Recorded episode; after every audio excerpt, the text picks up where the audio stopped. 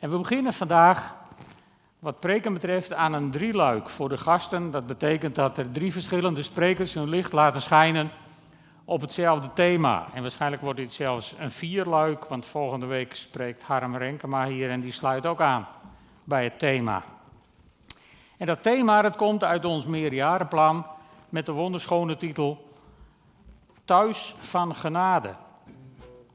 En we hebben dat huis opgebouwd uit bouwstenen. En de bouwsteen die in dit drieluik aan de orde is, dat is het volgende zinnetje.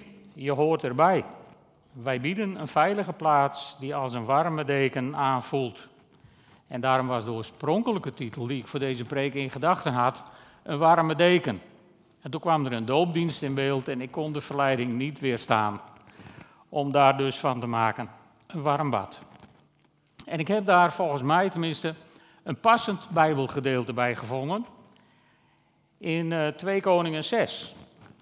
Dat is het verhaal van een oorlog tussen Israël, het tien stammenrijk in, uh, in Israël, en Aram, het, het tegenwoordige Syrië.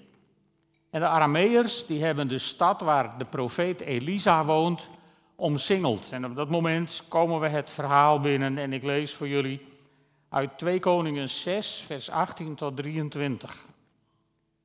Toen de Arameërs op Elisa afkwamen, smeekte hij de Heer hen te verblinden. De Heer verblindde hen zoals Elisa had gevraagd. En toen zei Elisa tegen hen: U bent hier verkeerd. Dit is niet de stad waar u moet zijn. Volg mij, dan zal ik u de weg wijzen naar de man die u zoekt. Hij leidde hen naar Samaria. En daar aangekomen bad hij: Heer, open hun ogen en laat hen weer zien. De Heer opende hun de ogen en toen zagen ze dat ze zich midden in Samaria bevonden. Toen de koning van Israël de Arameer zag, vroeg hij aan Elisa: Wat vindt u, vader? Zal ik ze doden? Nee, antwoordde Elisa, dood hen niet. Hebt u ze soms met uw eigen wapens krijgsgevangen gemaakt dat u hen zou doden? Zet hun een maaltijd voor, zodat ze kunnen eten en drinken, en laat hen teruggaan naar hun heer. Hierop liet de koning een overvloedig gastmaal voor hen aanrichten, en toen ze gegeten en gedronken hadden, stuurde hij hen terug naar hun heer. Van toen af aan deden de Aramese benden geen invallen meer in Israël. Een warm bad, een warme deken, maar hier een warm onthaal. Het blijft warm. Want de Arameërs kregen in dit verhaal in Samaria een warm onthaal. Dat is voor meerdere uitleg vatbaar. Maar probeer eens even in te leven in deze soldaten. Zomaar ineens ben je niet meer die onoverwinnelijke grootmacht. Deze Aramese benden die trokken al jaren rond in de omgeving, veroverden overal van alles, wonnen altijd. We are the champions. En zomaar ineens breekt het leven je bij de handen om af en sta je midden in vijandelijk gebied, midden in Samaria. En midden in die stad waren ze overgeleverd aan de genade van de Israëlieten. Nou ja, genade, want het dreigt een warm onthaal als de koning van Israël tegen de profeet zegt: Zullen we ze doden? Nou, gelukkig voor hun gebeurt dat niet, maar dit was bepaald geen veilige plaats die als een warme deken aanvoelt op deze manier. Toch kregen de Arameërs een warm onthaal. Maar heel anders dan ze zelf verwacht hadden en dan hun leiders van plan waren. Er wordt een maaltijd voor hen aangericht en dat verandert meteen de internationale betrekkingen. En nu was het wel veilig, maar het is maar de vraag of die soldaten dat ook zo gevoeld hebben. Ik denk dat zij telkens hebben gedacht, ja, maar wat straks na het eten? Of ze hebben zich misschien wel vreselijk opgelaten gevoeld. Van, hoe zijn we hier gekomen met kwade bedoelingen? Nou, nou worden we bijna doodgeknuffeld. Ze hebben vast niet lekker gegeten. Dat kan ik me niet voorstellen. Maar hoe doen wij het vandaag? Vooral in de kerk. Wij zijn natuurlijk iets beschaafder met de nadruk op iets. Want ja, hoe gaan wij om met mensen die, die het leven met de handen om afbreekt? Die zomaar plotseling in, je midden komen. En laten we dat eens eventjes specificeren tot hoe gaan wij om met mensen die gedoopt willen worden. Vandaag dopen we drie mensen omdat ze dat graag willen. Niet omdat ze goed genoeg zijn. Ik zeg niet dat ze niet goed genoeg zijn, let goed op mijn woorden. Maar dit is de enige reden waarom we ze dopen, omdat ze dat graag willen. En zo ging het ook in het eerste begin. Mensen die met Jezus verder wilden in hun leven lieten zich dopen en dat gebeurde in één keer als eerste stap. Jezus vergelijkt dat proces niet voor niks met een geboorte. Tegenwoordig hebben we die geboorte in veel gevallen opgerekt tussen of eerst dopen en later gaan geloven, of eerst gaan geloven en later dopen. Ik beloof je, als een geboorteproces in de natuur zo lang zou duren, werd er nooit meer iemand levend geboren. We hebben het opgerekt. We zijn er ja, mee aan de slag gegaan op een of andere manier. Maar in de eerste gemeentes ging dat niet zo. En Jezus vergelijkt dat proces met een geboorte. We lezen in Johannes 3. In vers 3 zegt Jezus alleen wie opnieuw wordt geboren kan het koninkrijk van God zien. En dan wil Nicodemus, tegen wie hij dat zegt, weten hoe je dat doet, opnieuw geboren worden. En dan zegt Jezus in vers 5, niemand kan het koninkrijk van God binnengaan tenzij hij geboren wordt uit water en geest. En zo zijn in mijn ogen het ontvangen van de geest en de doop onlosmakelijk met elkaar verbonden. Ook in de handelingen lees je nergens iets over een traject tussen de geest en de doop. En, en lieve dopelingen, als je de illusie hebt dat jouw traject straks na de doop ten einde is, dat je denkt van nou, dit is klaar, kat in het bakkie, dan moet ik je vanmorgen ernstig teleurstellen. God is met jullie een proces begonnen en dat proces heeft geleid tot het verlangen om gedoopt te worden. En we gaan jullie straks dopen en daarna gaat het proces gewoon verder. Ik zou eerst tegen jullie zeggen, dat proces gaat verder zolang je leeft. Maar ik, ik denk dat dat proces verder gaat ook na dit leven in de eeuwigheid bij God. Volgens mij is God namelijk gelukkig nooit klaar met mensen. Dus geen proces tussen doop en het ontvangen of het ervaren van de Heilige Geest. Maar later in de jonge kerk, heel vroeg in de kerk al, lees je verslagen dat mensen als ze gedoopt wilden worden een jaar onderwijs moesten volgen. En dan een hele nacht moesten bidden en vasten en waken, zodat ze op de paasmorgen gedoopt mochten worden. Het was de enige ochtend in het jaar waarop je gedoopt mocht worden. En daar kun je van alles van vinden, maar in veel kerken is het vandaag de dag niet anders. Zo hebben veel kerken ingevoerd dat je aan allerhande voorwaarden moet voldoen. Voordat je gedoopt mag worden, voordat je beleidenis mag doen, voordat je mag deelnemen aan het avondmaal. En uh, in mijn boek, De Genadige God, heb ik daar wat over geschreven. Dat wil ik met jullie delen vanmorgen. Daar heb ik toen geschreven, wat doe je met samenwonende stellen die lid willen worden van je gemeente?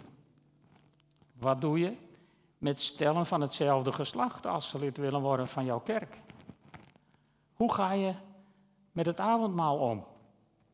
Of met de doop? Of... Ik weet het soms gewoon even niet. En dat is een ongemakkelijk gevoel. Waar handelen we in overeenstemming met de letter? Waar in overeenstemming met de geest? En waar in overeenstemming met onze traditie? En om mijn verwarring compleet te maken, vroeg God me: Willem, hoe zou je het vinden om een ongemakkelijke gemeente te hebben? En ik heb toen tegen God gezegd, en dat zeg ik nog steeds tegen God: Wat ongemakkelijk, om heel eerlijk te zijn. En uh, toen kreeg ik het volgende plaatje voor mijn ogen, en dat is de tekst die Randolph heeft gelezen. Zie, ik sta aan de deur en ik klop. Als iemand mijn stem hoort en de deur opent, zal ik bij hem binnenkomen en de maaltijd met hem gebruiken en hij met mij. Dan moet je weten, Johannes schrijft dit in openbaringen aan de gemeente in Laodicea. En de gemeente in Laodicea, die kennen wij als de gemeente die zo lauw was dat God hem uit wilde spugen. Dus dat was een gemeente waar ze er niet heet of koud meer van werden. En toch klopt God aan die deur. En ik ben ervan overtuigd dat God in de persoon van Jezus aan elke deur klopt. Of dat nu een deur is waar ze er nog heet van niet heet of koud meer van worden. Of een deur waarachter mensen in vuur en vlam staan. God klopt niet aan geselecteerde deuren. God klopt aan elke deur van elk hart en van elke mens. En als iemand de deur opent, krijgt hij niet eerst een lijst met verbeterpunten of beleidenisgeschriften of andere processen voorgeschoteld. Maar dan komt Jezus binnen, zomaar binnen. En dat is dan zo bijzonder. Hij die niet bang was om Melaatse mensen aan te raken. Hè? Hij die niet bang was om als Jood een Samaritaanse stad binnen te wandelen. Hij komt zomaar binnen, ongeacht de condities achter de deur. En eenmaal binnen volgt er ook niet eerst een of ander traject, maar hij houdt maaltijd met degene die de deur opendeed. Zie je dat voor je, dat plaatje? Jezus voor de deur, broodje onder de arm, flesje wijn in de hand. Hij klopt aan de deur, deur gaat open, Jezus gaat naar binnen. En houdt eerst maaltijd met mensen. En de vraag is dan, zou het zo ook kunnen? Zou het zo mogen? Misschien wel de belangrijkste vraag is, zou, zou je het willen? Want weet je, ook jij mag er zijn. Wij willen een veilige plaats bieden die als een warme deken aanvoelt. Dat is een heel mooi zinnetje uit ons meerjarenplan. Maar hoe doe je dat als gemeente met elkaar? En, en ervaren de mensen die nieuw binnenkomen dan hetzelfde als wat wij denken te bieden? Dat is en dat blijft een lastig spanningsveld. En ik denk dat de Arameërs in Samaria zich helemaal niet zo lekker hebben gevoeld tijdens dat diner. Want een warm bad of een warme deken is heerlijk, maar niet geheel zonder risico. Een veilige plaats betekent om te beginnen dat je niet alles met de mantel der liefde moet bedekken. Maar moeten we dan zonden gaan aanwijzen in de levens van mensen? Ik pleit ervoor om persoonlijk wat vaker in de spiegel te kijken en dan aan God te vragen: toets mij of niet een weg in mij, mij schaadt en leidt aan u voorbij. Psalm 139 uit het liedboek voor de kerken. In de Bijbel vind je hem in Psalm 139, vers 24. En dan moet je goed opletten als je die psalm leest. Er staat niet toets hem, maar toets mij. En Jezus geeft ons een prachtig voorbeeld van hoe dat werkt. In, in Johannes 8, vers 3 tot 11. Heel bekend verhaal. Er staat toen brachten de schriftgeleerden en de fariseeën een vrouw bij hem, bij Jezus dus, die op overspel betrapt was. Ze zetten haar in het midden en zeiden tegen Jezus, meester, deze vrouw is op heterdaad betrapt toen ze overspel pleegde. Mozes draagt ons in de wet op zulke vrouwen te stenigen. Wat vindt u daarvan? Dit zeiden ze om hem op de proef te stellen, om te zien of ze hem konden aanklagen. Jezus bukte zich en schreef met zijn vinger op de grond. Toen ze bleven aandringen, richtte hij zich op en zei: Wie van jullie zonder zonde is, laat die als eerste een steen naar haar werpen. Hij bukte zich weer en schreef op de grond. En toen ze dat hoorden, gingen ze weg, één voor één, de oudsten het eerst, en ze lieten hem alleen met de vrouw die in het midden stond. Jezus richtte zich op en vroeg haar: Waar zijn ze? Heeft niemand u veroordeeld? Niemand, Heer, zei ze. Ik veroordeel u ook niet, zei Jezus. Ga heen en zondig van u af niet meer. Wat zien we hier? We zien hier de schriftgeleerden die een vrouw te kijk zetten. Ze hebben iets tegen haar gevonden en ze zetten haar in het midden. Dat gaat tegenwoordig ook heel gemakkelijk met wat wij social media noemen. Maar zo social is het vaak helemaal niet. Hè? Hoe vaak gebeurt het niet dat er foto's worden gepubliceerd die je helemaal niet gepubliceerd zou willen hebben? Mensen te kijk zetten is van alle tijden en vooral van deze tijd, denk ik. Vervolgens anonimiseren ze deze vrouw, want ze heeft geen naam. in dit verhaal. De fariseeërs hebben het over zulke vrouwen. Maar misschien als jij in de krant iets leest of op het nieuws iets ziet over iemand die weer iets gruwelijks heeft gedaan, dat je dan ook wel eens denkt, ze moesten ze ophangen of weet ik wat, ze moesten ze, hè? Zolang het beestje maar geen naam heeft. Oordelen is zo gemakkelijk, zolang het anonieme mensen zijn. En het wordt zo ingewikkeld, zodra het mensen zijn met een naam en een gezicht. En als je ze dan ook nog aardig vindt, wordt het nog lastiger. Oordelen. En weet je, Jezus bagatelliseert niet wat deze vrouw heeft gedaan. Hij zegt niet, nou het hindert niet, het was niet zo erg. Hij zoekt, hij zoekt geen excuses. Maar hij geeft de aanklager meteen die spiegel. Toets mij of niet een weg in mij, mijn schaad, en leidt aan u voorbij. En gelukkig zit er nog zoveel eerlijkheid in deze schriftgeleerden, dat de ene naar de andere vertrekt. Ze krijgen gelijk van Jezus. Ja, zij moet gestraft worden. En laat degene die zonder zonde is, ja, laat die het maar doen. Niemand veroordeelt haar. En dan kijkt Jezus haar aan en die zegt, ja, weet je, ik veroordeel je ook niet. Maar ga heen en zondag niet meer. En vervolgens reist Jezus haar niet achterna om dat te controleren.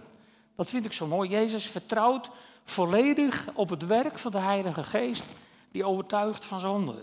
Daarvan zei hij tegen zijn discipelen in Johannes 16, vers 8: Wanneer hij, de Heilige Geest, komt, zal hij de wereld wel duidelijk maken wat zonde, gerechtigheid en oordeel is. Aan de andere kant moet er natuurlijk in de kerk ook tucht zijn. Maar daarmee moeten we wel beseffen dat tucht niet primair om straf mag gaan.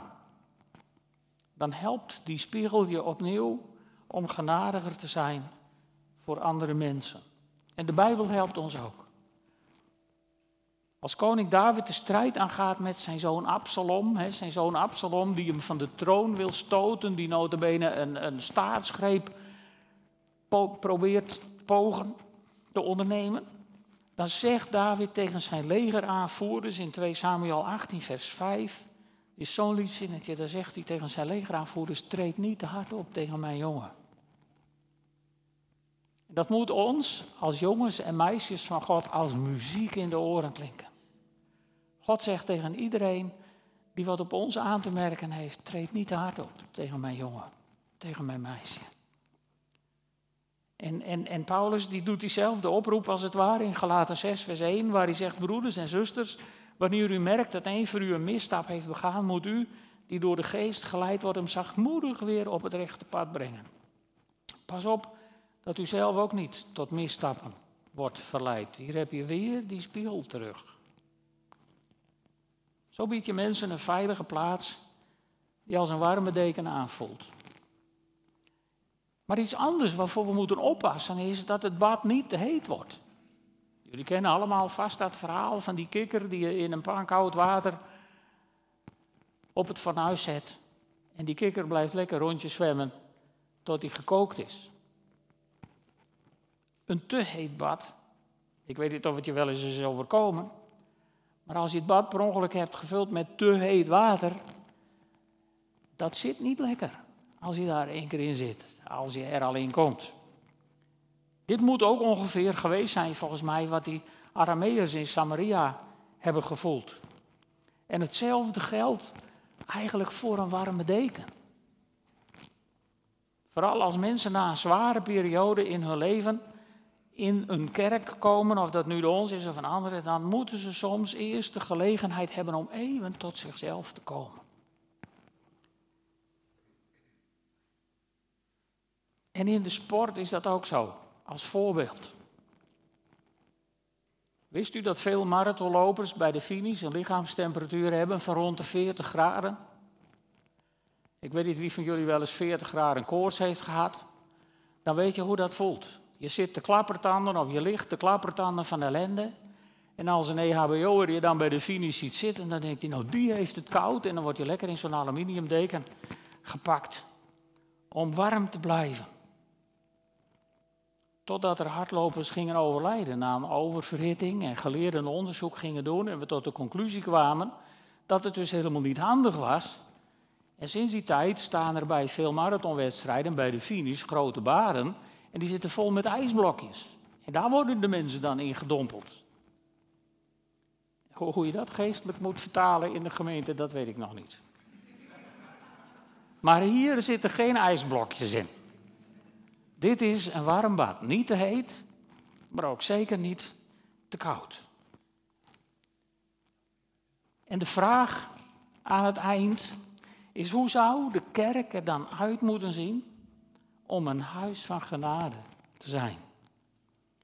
Ik denk dat we om te beginnen mensen feestelijk zouden moeten verwelkomen zoals de vader van de verloren zoon dat deed in Lucas 15. Dat we vervolgens zonder oordeel met mensen in gesprek zouden moeten gaan, zoals Jezus deed in Johannes 8. En nu wordt het gevaarlijk. Ik denk dat we vervolgens brood en wijn met ze zouden moeten delen, zoals Jezus deed in Openbaringen 3. En misschien gaan we dan wel hetzelfde beleven als de Emmausgangers. Je leest over de Emmausgangers in Lucas 24, vers 35, als ze hun verhaal vertellen.